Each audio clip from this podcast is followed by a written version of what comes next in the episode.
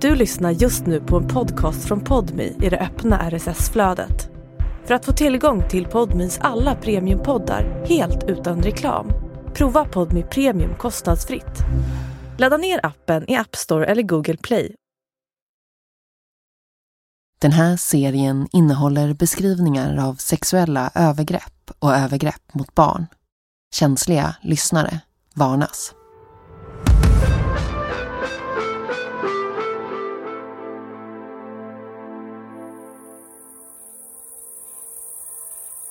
Hösten 2009 i Miami, Florida. På FBI's kontor, en enorm glasbyggnad, i ett förhörsrum sitter en medelålders tunnhårig man.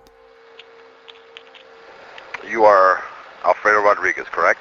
Yes, that's me. Okay. Med sig har han en kopia av en liten adressbok med en svart läderpärm. 97 sidor, 1971 namn, tusentals adresser och telefonnummer. Adressboken tillhör mannens före detta chef, den sexbrottsdömde miljardären Jeffrey Epstein. You were employed by him as what? I was the household manager. okay, you were like the houseman? You can say butler. Butlern förhörs av FBI för att han har försökt sälja kontaktboken för en och en halv miljon kronor till en advokat. Han säger att det är en livförsäkring och att boken är den heliga graalen för att förstå Jeffrey Epsteins kriminella nätverk. Well, um, my main concern obviously is um, the girls that come over to work for him. Men han får inga pengar av advokaten. Istället åtalas han för att ha undanhållit viktig information i utredningen mot hans före detta arbetsgivare. And actually, it was my job to keep everything discreet, you know. Epsteins butler döms till 18 månaders fängelse. Flera år senare kommer boken att spridas på nätet och bli en viktig pusselbit i berättelsen om Jeffrey Epstein och människorna i hans nätverk.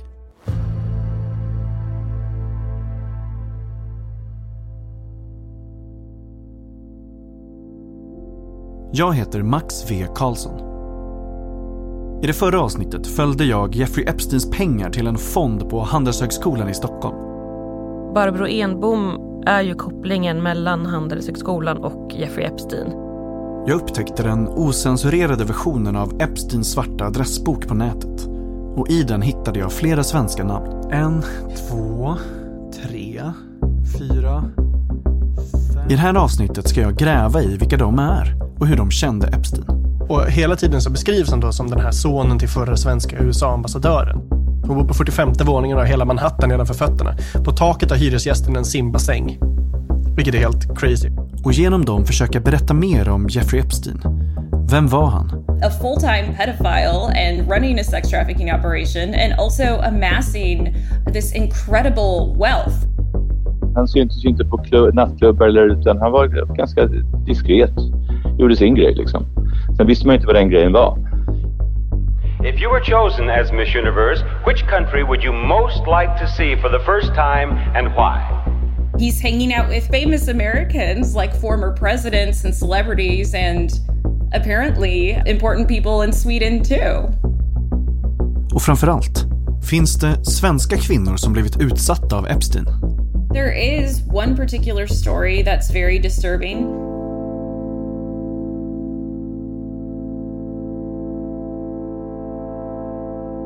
Du lyssnar på andra delen av Podmi Dokumentär om Epsteins svenska nätverk.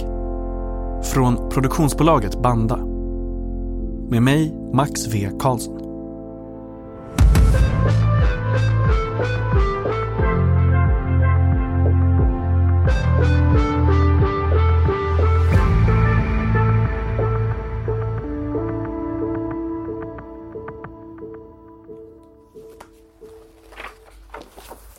Epstein hade troligen flera adressböcker. Den som jag sitter med framför mig kom till allmänhetens kännedom genom att eh, Epsteins före detta butler försökte sälja den till en advokat. Senare spreds den på nätet, först maskad, vilket betyder att eh, alla kontaktuppgifterna till de som fanns i boken var överstrukna. Men sommaren 2019, efter att han greps, så läcker den ut helt osensurerad. Could you just check that your phone is still recording? Yes, still recording. Great. Well, Jag frågar den amerikanska journalisten Megan Morris på tidningen Insider om vad den svarta boken kan berätta. These address books have every type of person in them, from massage therapists to billionaire private equity titans and everyone in between. And it kind of gives us some clues into the degree of Jeffrey Epstein's relationships with these people. Megan säger att Jeffrey Epstein var en samlare. Men när andra miljardärer samlar på sportbilar och lyxprylar samlade Epstein på information. Information om människor, kontaktuppgifter, vad de jobbade med, hur mycket pengar de hade. Partners, familjer, vilka de kände och hur de kunde hjälpa Epstein att träffa fler viktiga personer. So he, I think, was very, very good at charming people and at being a networker. And he used all of his contacts as springboards to more contacts. Om en person var värd att samla skulle de registreras i den svarta boken. Och om du var särskilt viktig, en VIP, så fick du fler rader med olika kontaktuppgifter. The more types of contact information someone had in the book likely indicated that they had a closer relationship with Jeffrey Epstein than perhaps the people who just had an office phone number. Megan Morris tror att människorna i Epsteins nätverk kan hjälpa oss att förstå det hon kallar mysteriet Jeffrey Epstein. So I think it helps us trace many more of his associations with the rich and influential, but it also helps us understand the work that he was doing and how he was able to stay uh, at the top of kind of the New York world. Det har spekulerats i att Epsteins svarta adressbok har varit helt central för hans brottsliga verksamhet. Att den förklarar hur Epstein kunde röra sig fritt mellan olika länder och mäktiga miljöer. Många menar också att boken kan hjälpa till att hitta medbrottslingar och möjliggörare, personer som har skyddat Epstein. Men det är viktigt att säga att bara för att ens namn finns med i boken så betyder det inte att man har begått något brott eller att man har känt till Epsteins brott. Det kan såklart vara så att du har träffat Epstein på en fest eller ett seminarium och att han av någon anledning ville spara dina uppgifter. But it does raise a lot of questions about the people with whom he was connected, certainly. Jag bestämmer mig för att kontakta alla svenskar jag hittar i den svarta adressboken. Men var ska jag börja? Jag tänker på det Megan sa. Ju fler kontaktuppgifter, desto närmare kontakt med Epstein. Här är den, jag ska zooma. Alltså, det är sorterat på efternamn. Uh, här. Jag och min producent Sara Olsson går igenom svenskarna i boken. A, B, C, D, F, G, H, I. Här har vi det första. Just det. Och hur många har han då? Han har två telefonnummer och en e-postadress. Här har vi Alec Baldwin. En, två, tre, fyra, fem, sex, sju, åtta, nio, tio, elva, tolv, tretton, fjorton, femton, 16, 17, men det är 18 totalt. Här har vi det. Svensken med flest kontaktuppgifter i boken. Hela 18 telefonnummer och flera olika adresser i både USA och Sverige. Heter Eva Andersson. Ja, eh, vi ska se hur många svenska nummer det är. Det där är ett svenskt nummer. Vem är hon? Och vad är hennes koppling till Jeffrey Epstein? Jag slår ett av numren till Eva Andersson.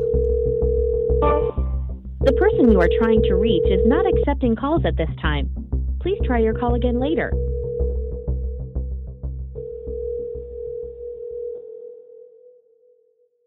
And now that we know what Miss Universe will win, let's see which five girls are still in the running. May I have the card, please, Mr. Schechter? Thank you, Året sir. är On this 1980. card are the names of the five contestants who have received the Skönhetstävlingen highest Miss total Universe scores i from our Sydkorea. judges in the personal interview, the swimsuit and the evening gown competition. As a result, Världens now vackraste our kvinna five ska koras. finalists. Good luck, girls. The first finalist is Miss Sweden.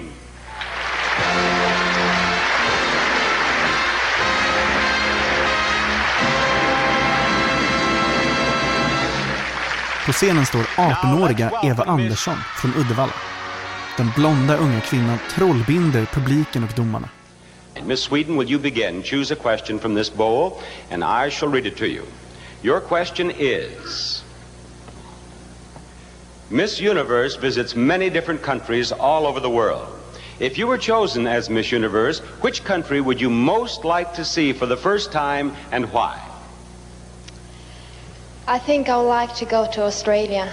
That's a country that's very far from Sweden, and I read a lot about Australia, and it seemed to be very nice culture and very nice nature. And then speak English, so it's easy to communicate with them. Thank you, Miss Sweden. Now, Miss Philippines, would you choose your question? Några månader tidigare så har hon vunnit skönhetstävlingen Fröken Sverige. Och snart kommer hon att bege sig ut i världen. Men inte till Australien, utan till USA och New York. Det måste finnas mer information om den svenska skönhetsdrottningen. Som journalist har jag alltid gillat arkiv. Och om du behöver något så är det alltid en bra idé att ta sig till Kungliga biblioteket i Stockholm. Eh, Max Westerlund Karlsson, Max V Karlsson. Eh, ja, Här finns alla svenska dags- och nyhetstidningar arkiverade. Alla. Från entrén tar du trapporna ner två våningar under marken. I mörka och tysta salar finns digitala terminaler med speciella avlånga datorskärmar anpassade för att läsa just tidningar. För mig blir de här salarna svindlande. Här får du tillgång till nästan allt som har tryckts i svensk nyhetshistoria. När jag söker på artiklar om Eva Andersson hittar jag flera stycken. Alla de här har ju olika intressanta grejer. Liksom. Men, Mm. men om vi tar några från eh, början egentligen. Eh, då kan man först ta den här. Eh, Så står det så här, praktsvensk med långt blont hår och blå ögon. Smakfullt kontrasterade mot en solbränna från Teneriffa. Till detta ska läggas fotomodellfigur, kunskaper i piano, gitarrspel, sångröst och dansskola. Med modelljobbet i bakhuvudet ställer Eva upp i misstävlingen. En sådan titel minskar inte möjligheterna i modellbranschen. Det visade sig att Eva tänkt rätt, hon gick till final, hon vann och blev strax ett namn som modell. I början av 80-talet är skönhetstävlingar som Fröken Sverige en mycket större grej än vad det är idag. En vinst gjorde dig till rikskändis över en natt och kunde betyda en språngbräda ut i världen. Och så säger de då så här, hela världen låg öppen för henne. För samtidigt slutar hon skolan och åker till USA för att bli fotomodell i Eileen Fords rika stall. Det, då, då står det så här, hon fick vänner, pojkvän, hela mitt liv blev New York.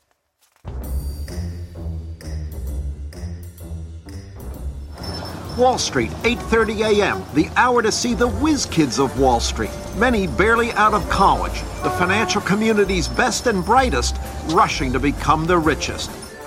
På 80-talet håller New York på att återhämta sig efter att nästan ha gått i konkurs på 70-talet. Plötsligt flödar framtidsandan och investeringarna.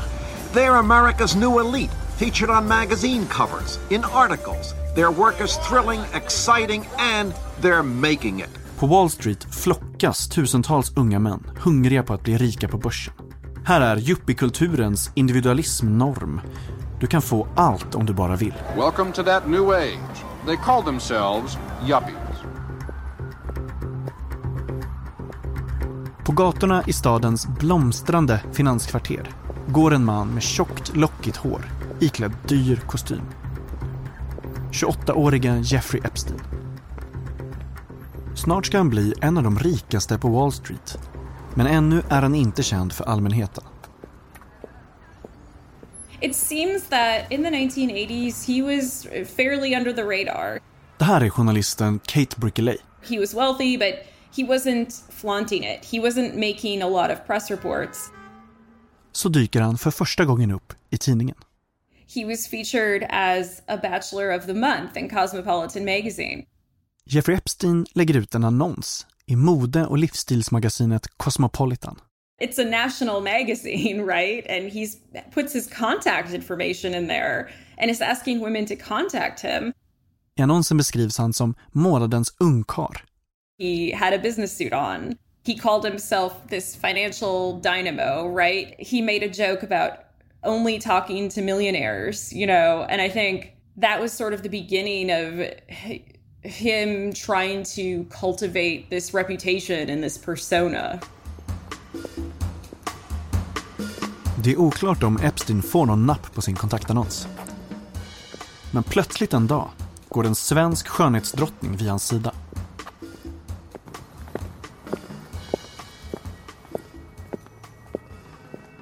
Epstein met Eva in the early 80s. Eva Andersson träffar Jeffrey Epstein när hon flyttar till New York i början av 80-talet. Vid den här tiden finns det inga brottsanklagelser mot Jeffrey Epstein. She was a Ford model and a former Miss Sweden, and she was dating Epstein.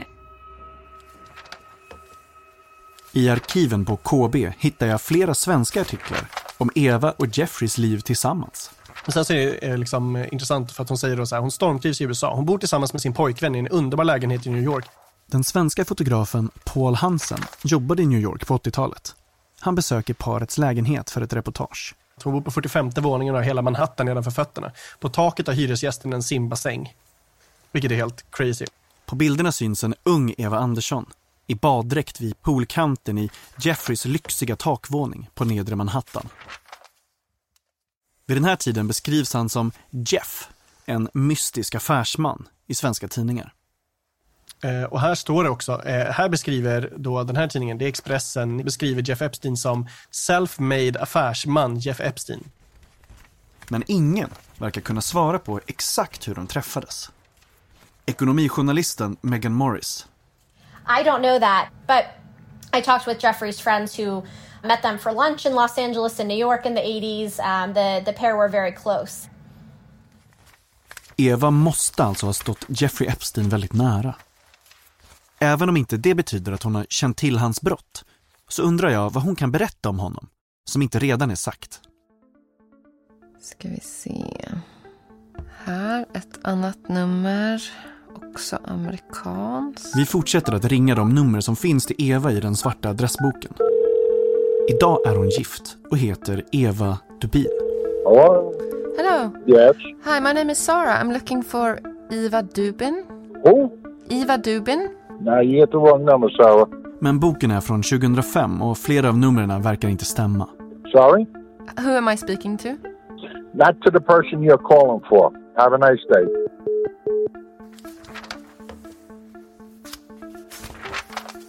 Um, och här är det bara den här notisen här nere då. I arkiven på KB hittar jag artiklar om en annan svensk som också finns med i Epsteins svarta kontaktbok. Som var det första jag hittade liksom, eh, om, om honom. Men mm. han är uppenbarligen jättekänd. Mm. Och hela tiden så beskrivs han då som den här sonen till förra svenska USA-ambassadören. Han är rik, snygg och diskret. Det är greven och IT-entreprenören Erik Wachtmeister. Och eh, så säger de så här, han är en stenrik företagare, bor i en våning på femte avenyn på Manhattan. Det gjorde ju Eva och Epstein också sam under den här tiden. Just det. Eh, jag vet inte exakt vilken, vilken adress, men det hade varit väldigt, eh, liksom, det hade varit kul om det råkade vara samma hus.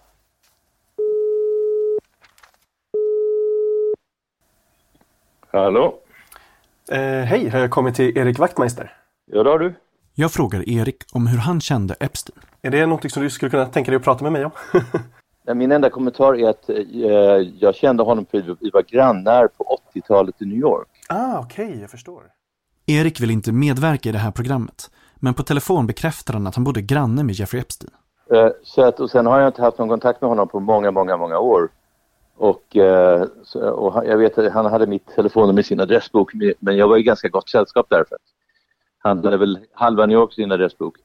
Exakt. En, en, bra del av New York måste jag säga i, i sin adressbok. Mm. 80-talet i New York var, det var en community av, av, av uh, tusentals personer som alla kände varandra. Liksom. Mm. Från alla länder och i alla åldrar. Liksom. Och han, och han var väl med där. Han hade, han hade en svensk flickvän också, Eva Andersson, som jag kände. Just det. Och, uh, så att det var liksom samma gäng. Men som sagt, vi var ju framförallt grannar och ingenting mer. Så att det var inte så att vi var umgicks eller var goda vänner eller någonting sånt. Just det. Men jag minns honom som en ganska diskret person. Som, men han syntes ju inte på klubb, nattklubbar eller utan han var ganska diskret. Gjorde sin grej liksom. Sen visste man inte vad den grejen var. Vi vet inte exakt varför Erik Wachtmeister finns med i Jeffrey Epsteins adressbok. Som sagt, jag har inte mer, ingenting mer att kommentera på. på liksom, bara för att jag råkar stå i hans telefonbok. Det är lite lustigt. Så. När de bor grannar i New York finns inga offentliga uppgifter om att Epstein skulle ha begått några brott. Så när börjar det? När börjar Epstein träffa och grooma flickor? That's a good question. When did this whole thing start? Vi tar allt från början. It's all very mysterious.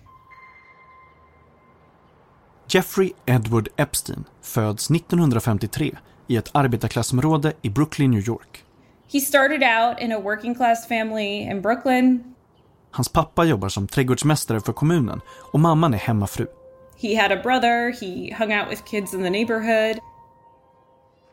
Jeffrey får smeknamnet Epi och trots att han är lite blyg har han inga problem med att skaffa vänner. I don't think that there were necessarily any warning signs about him in his early life.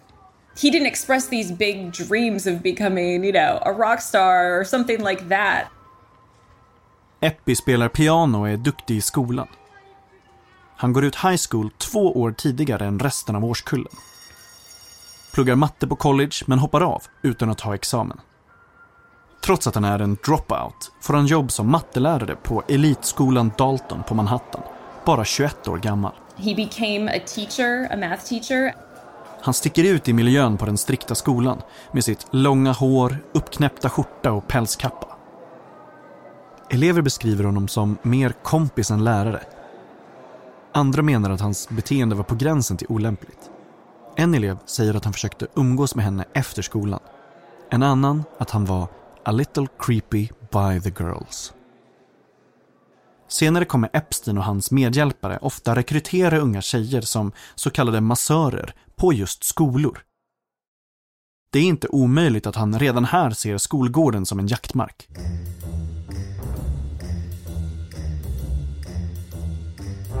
När 70-tal blir glada 80-tal har Epstein fått sparken från elitskolan.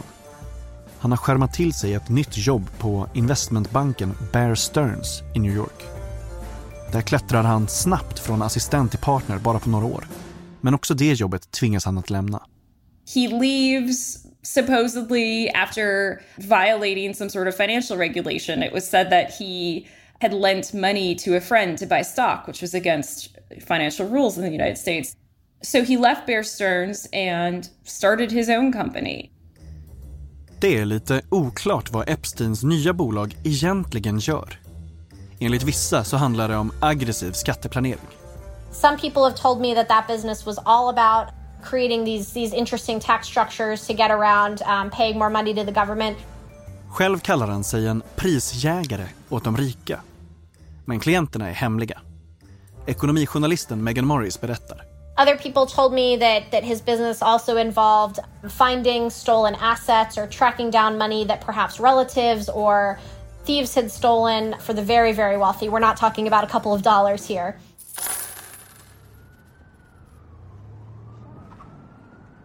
Vid ungefär samma tidpunkt blir Epstein och svenska Eva Andersson ett par. Efter Fröken Sverige-vinsten 1980 får Eva jobb som modell hos Eileen Ford, den legendariska giganten bakom modellagenturen Ford Models. Och så här, sen blev hon modell, först i Europa med Milano som bas och sen i New York. Mm.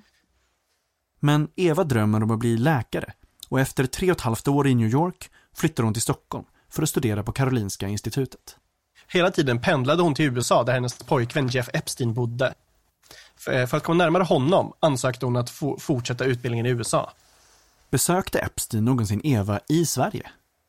Och sen säger de då, Eva och Jeff hade anordnat en examensmiddag i Bel Air Country Club, ett stenkast från Ronald Reagans nya hem. När Eva tar läkarexamen 1989 är de fortfarande ett par. De firar med en stor fest på Bel Air Country Club i Los Angeles.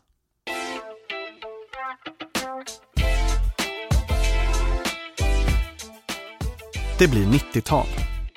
Ännu finns inga formella eller offentliga anklagelser mot Epstein. Relationen mellan Jeffrey och Eva tar slut. Efter nästan tio år tillsammans. They dated throughout the 80s. Eva lived at one of Jeffrey's apartments here in New York for a time, and then eventually they broke up. Kort därefter syns Epstein med en ny kvinna. Ghislaine Maxwell. Ghislaine Maxwell. Ghislaine Maxwell. Ghislaine Maxwell. Ghislaine Maxwell. Dotter till den mäktiga brittiska mediamagnaten och spionen Robert Maxwell. Robert Maxwell dog under mystiska omständigheter 1991. Han föll, eller knuffades, i vattnet från sin lyxyacht utanför Kanarieöarna. Fartyget var döpt efter hans favoritdotter, Lady Ghislaine. Efter pappans död flyttar hon från London till New York. And so Ghislaine comes to New York Journalisten Kate Brickley and she's palling around with Epstein, and that's getting the attention of the British tabloids and the press. She's the socialite who was a big name in American and British high society for decades, hosting glamorous dinner parties and hanging out with powerful people. But did Ghislaine I think once he got involved with Ghislaine Maxwell, that put him under the spotlight a little bit more. Suddenly, he's hanging out with this socialite. Med sitt stora kontaktnät blir Ghislaine Epsteins nyckel till New York-eliten, mäktiga politiker och kungligheter. He's hanging out with Donald Trump and Bill Clinton and Prince Andrew. Epstein börjar samla på sina nya vänner. I en liten svart läderinbunden adressbok skriver han upp namn och kontaktuppgifter. Fastighetsägaren Donald Trump, kändisadvokaten Alan Dershowitz, president Bill Clinton och den brittiska prins Andrew.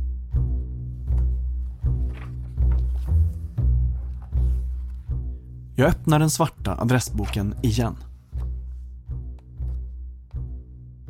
Jag vill verkligen understryka att bara för att ens namn finns med i boken så betyder inte det att man har känt till Jeffrey Epsteins brott. Men boken är en viktig nyckel in i Epsteins värld och jag är helt säker på att det finns svenskar som sitter på oberättade historier.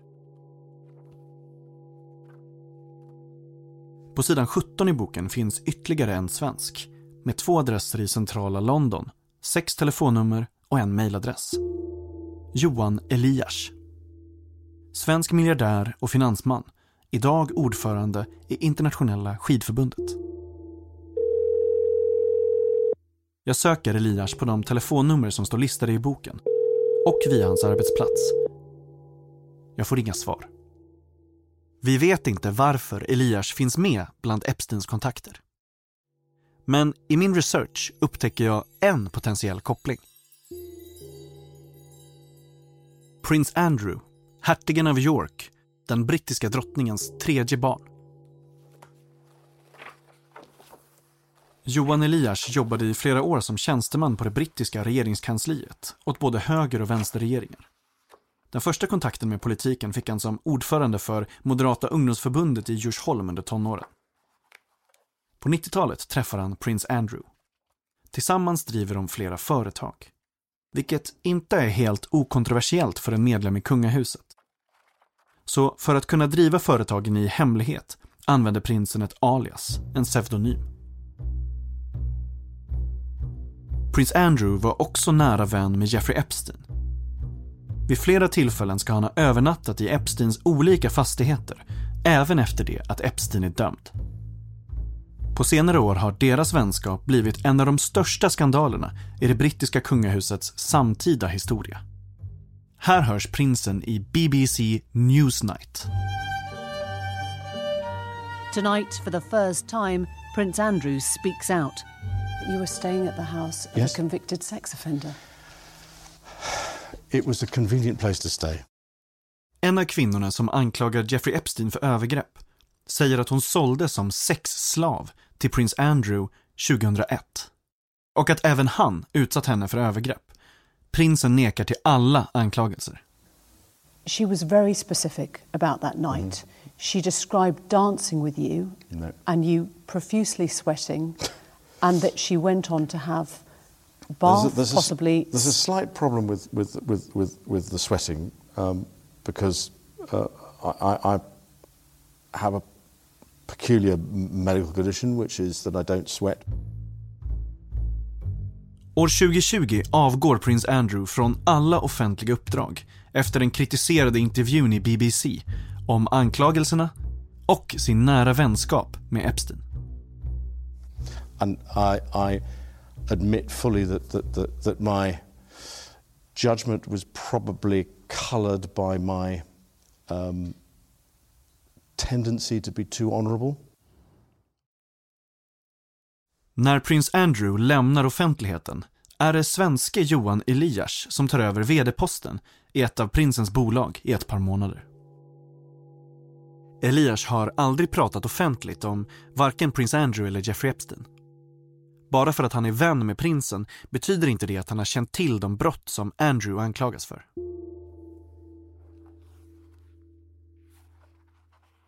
Tillbaka till Svarta boken.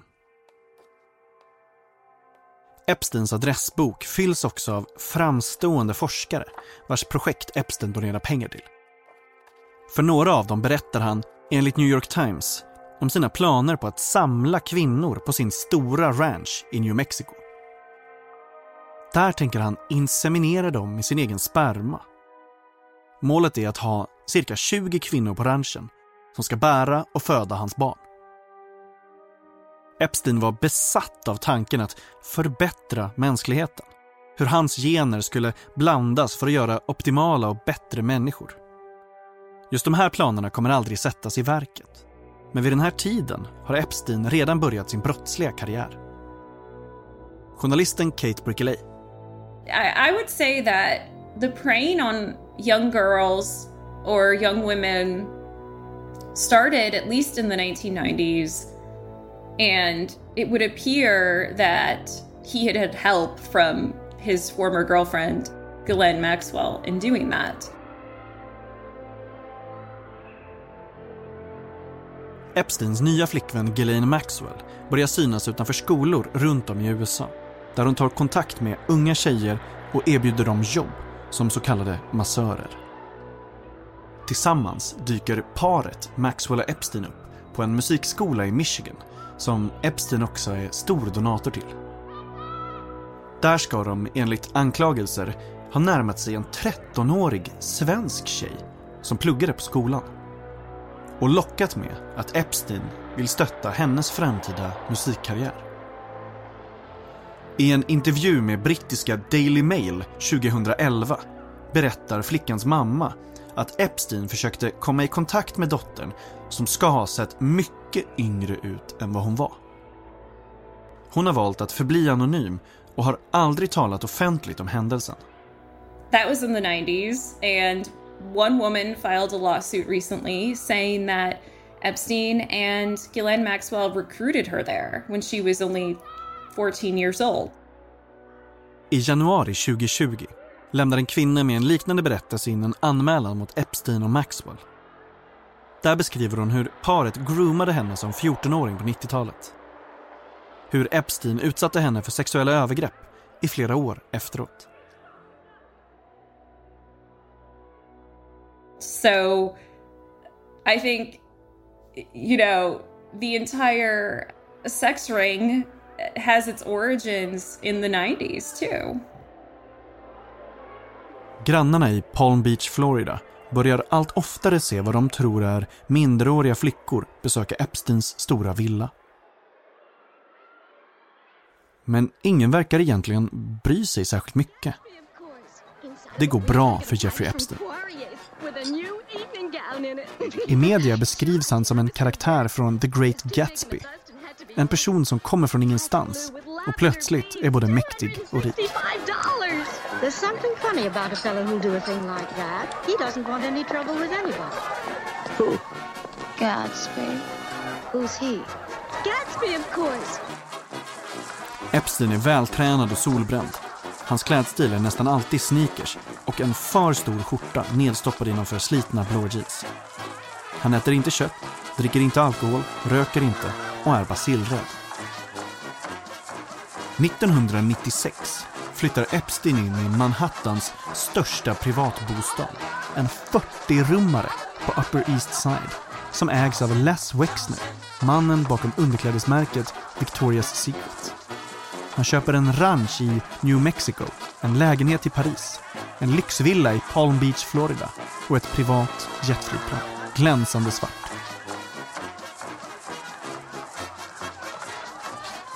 Han köper till och med en egen ö.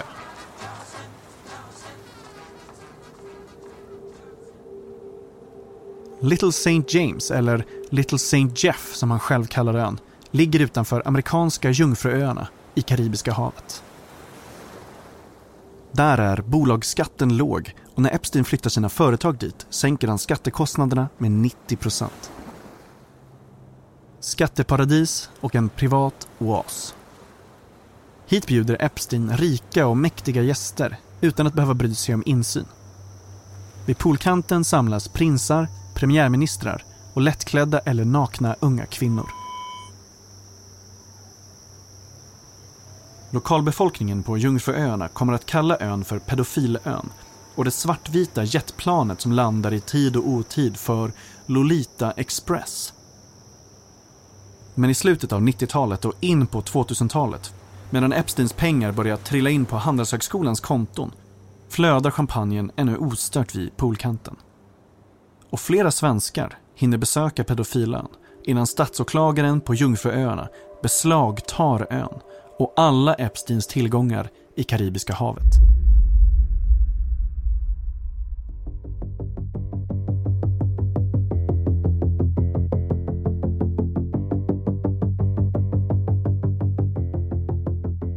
To the highly anticipated release today of thousands of pages of documents from a lawsuit filed by a woman who claims financier Jeffrey Epstein kept her as a sex slave. Augusti 2019 igen. The disgraced financier is in jail awaiting trial. Medan Jeffrey Epstein sitter häktad i den trånga cellen på Manhattan offentliggörs tusentals domstolsdokument från ett mål som rör en av de kvinnor som anklagar honom för övergrepp. The Miami Herald says the documents would prove that he was involved in a sex trafficking ring. Some several other well-connected financiers, hedge fund managers, politically connected folks, all mentioned in the 2,000-page documents that were uh, that were dropped. Bland förhör och detaljer om övergreppen finns upphittade kvitton från Epsteins soptunna. Kvitton som berättar att han har beställt böckerna Slavecraft Roadmaps to Erotic Servitude och A Workbook for Erotic Slaves and Their Owners. Ett vittne berättar att Epstein har sagt att han behöver minst tre orgasmer om dagen. Att det är biologiskt som att äta.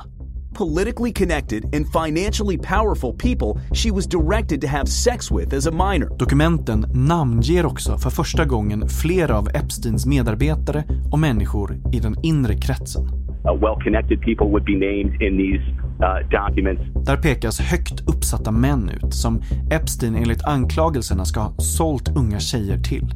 Alla nekar till brott. Prince Andrew of Great Britain. People like uh, former Senator George Mitchell. And high-powered attorney Alan Dershowitz. Former New Mexico Governor Bill Richardson was named. Of course, both men uh, have denied any sort of involvement uh, with Jeffrey Epstein. Det rapporteras om att New York-eliten runt Epstein håller andan. Hans tidigare vänner och kollegor väntar nervöst på om just deras namn ska nämnas i anslutning till hans påstådda pedofilring. And all of this stuff was was coming into the media and Epstein and his name were becoming radioactive. Bland de tusentals dokumenten finns också uppgifter som rör Sverige. There is one particular story that's very disturbing. Rinaldo Rizzo har jobbat som butler åt svenska Eva Andersson Dubin. He testified under oath saying this. I ett förhör under ed berättar han om en händelse som enligt honom ägt rum i köket hemma hos Eva i New York någon gång mellan 2004 och 2005.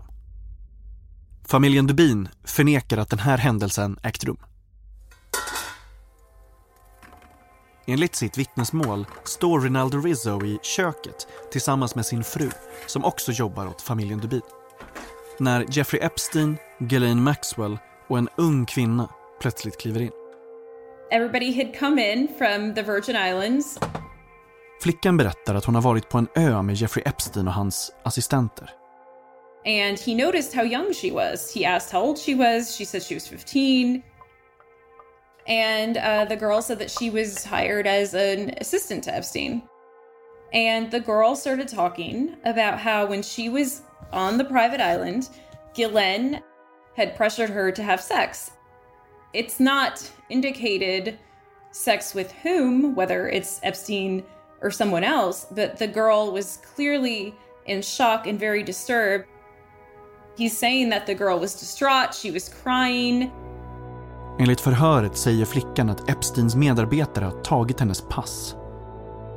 Hon är inte amerikansk medborgare. Hon är svensk. Enligt Rizzo säger Eva att flickan ska arbeta som hennes nanny i New York. Och så står det i förhöret. That one month later he saw the girl and she was on a flight with the Dubins to Sweden. En svensk 15-årig flicka som blivit utsatt av Jeffrey Epstein. What happened to her? Has anyone spoken to her? Vem är hon? Hur hamnade hon i Evas kök? 15 år efter att Eva och Jeffreys relation ska ha tagit slut. Familjen Dubin har flera gånger genom sin talesperson gått ut i media och sagt att det som beskrivs i Rizzos vittnesmål aldrig har hänt.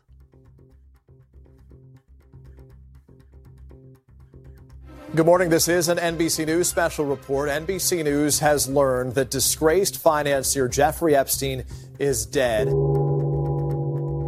Den 10 augusti 2019. Häktet Metropolitan Correctional Center på Manhattan. Klockan 06.30 hittas Jeffrey Epstein, 66 år gammal, hängande i ett orange lakan fastknutet i sängramen på den grå våningssängen.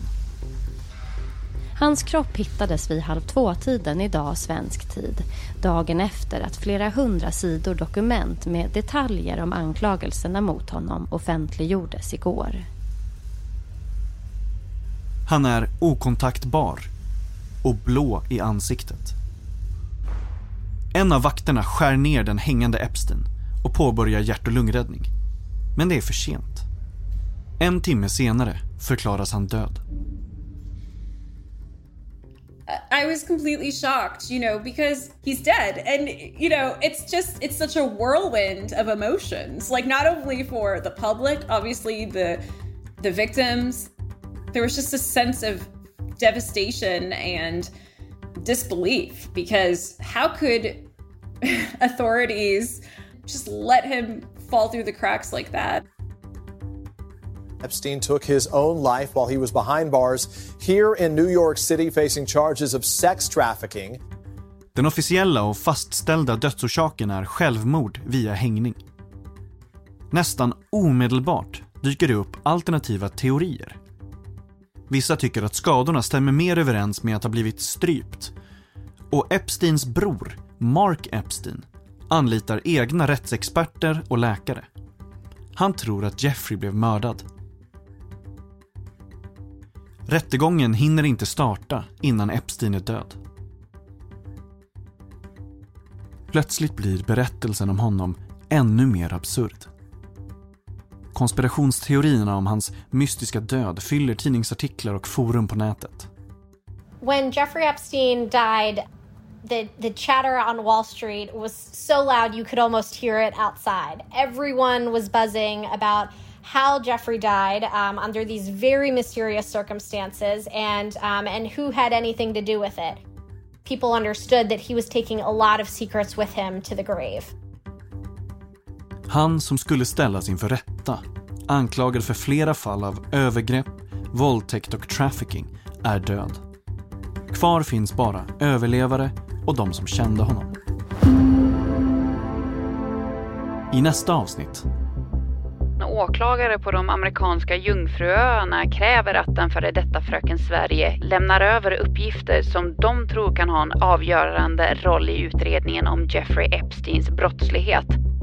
And you know that there were girls from Sweden as well who were recruited? Yes. Då säger han ju typ de har varit förlovade i massor av år om de ska gifta sig får de, är ju upp till dem.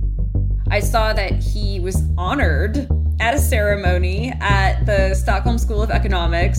Man kan väl inte garantera sina donatorers sexliv. they were friends with him and they overlooked it and they deluded themselves or they chose not to believe. Who are they protecting at this point? I mean, Epstein is dead.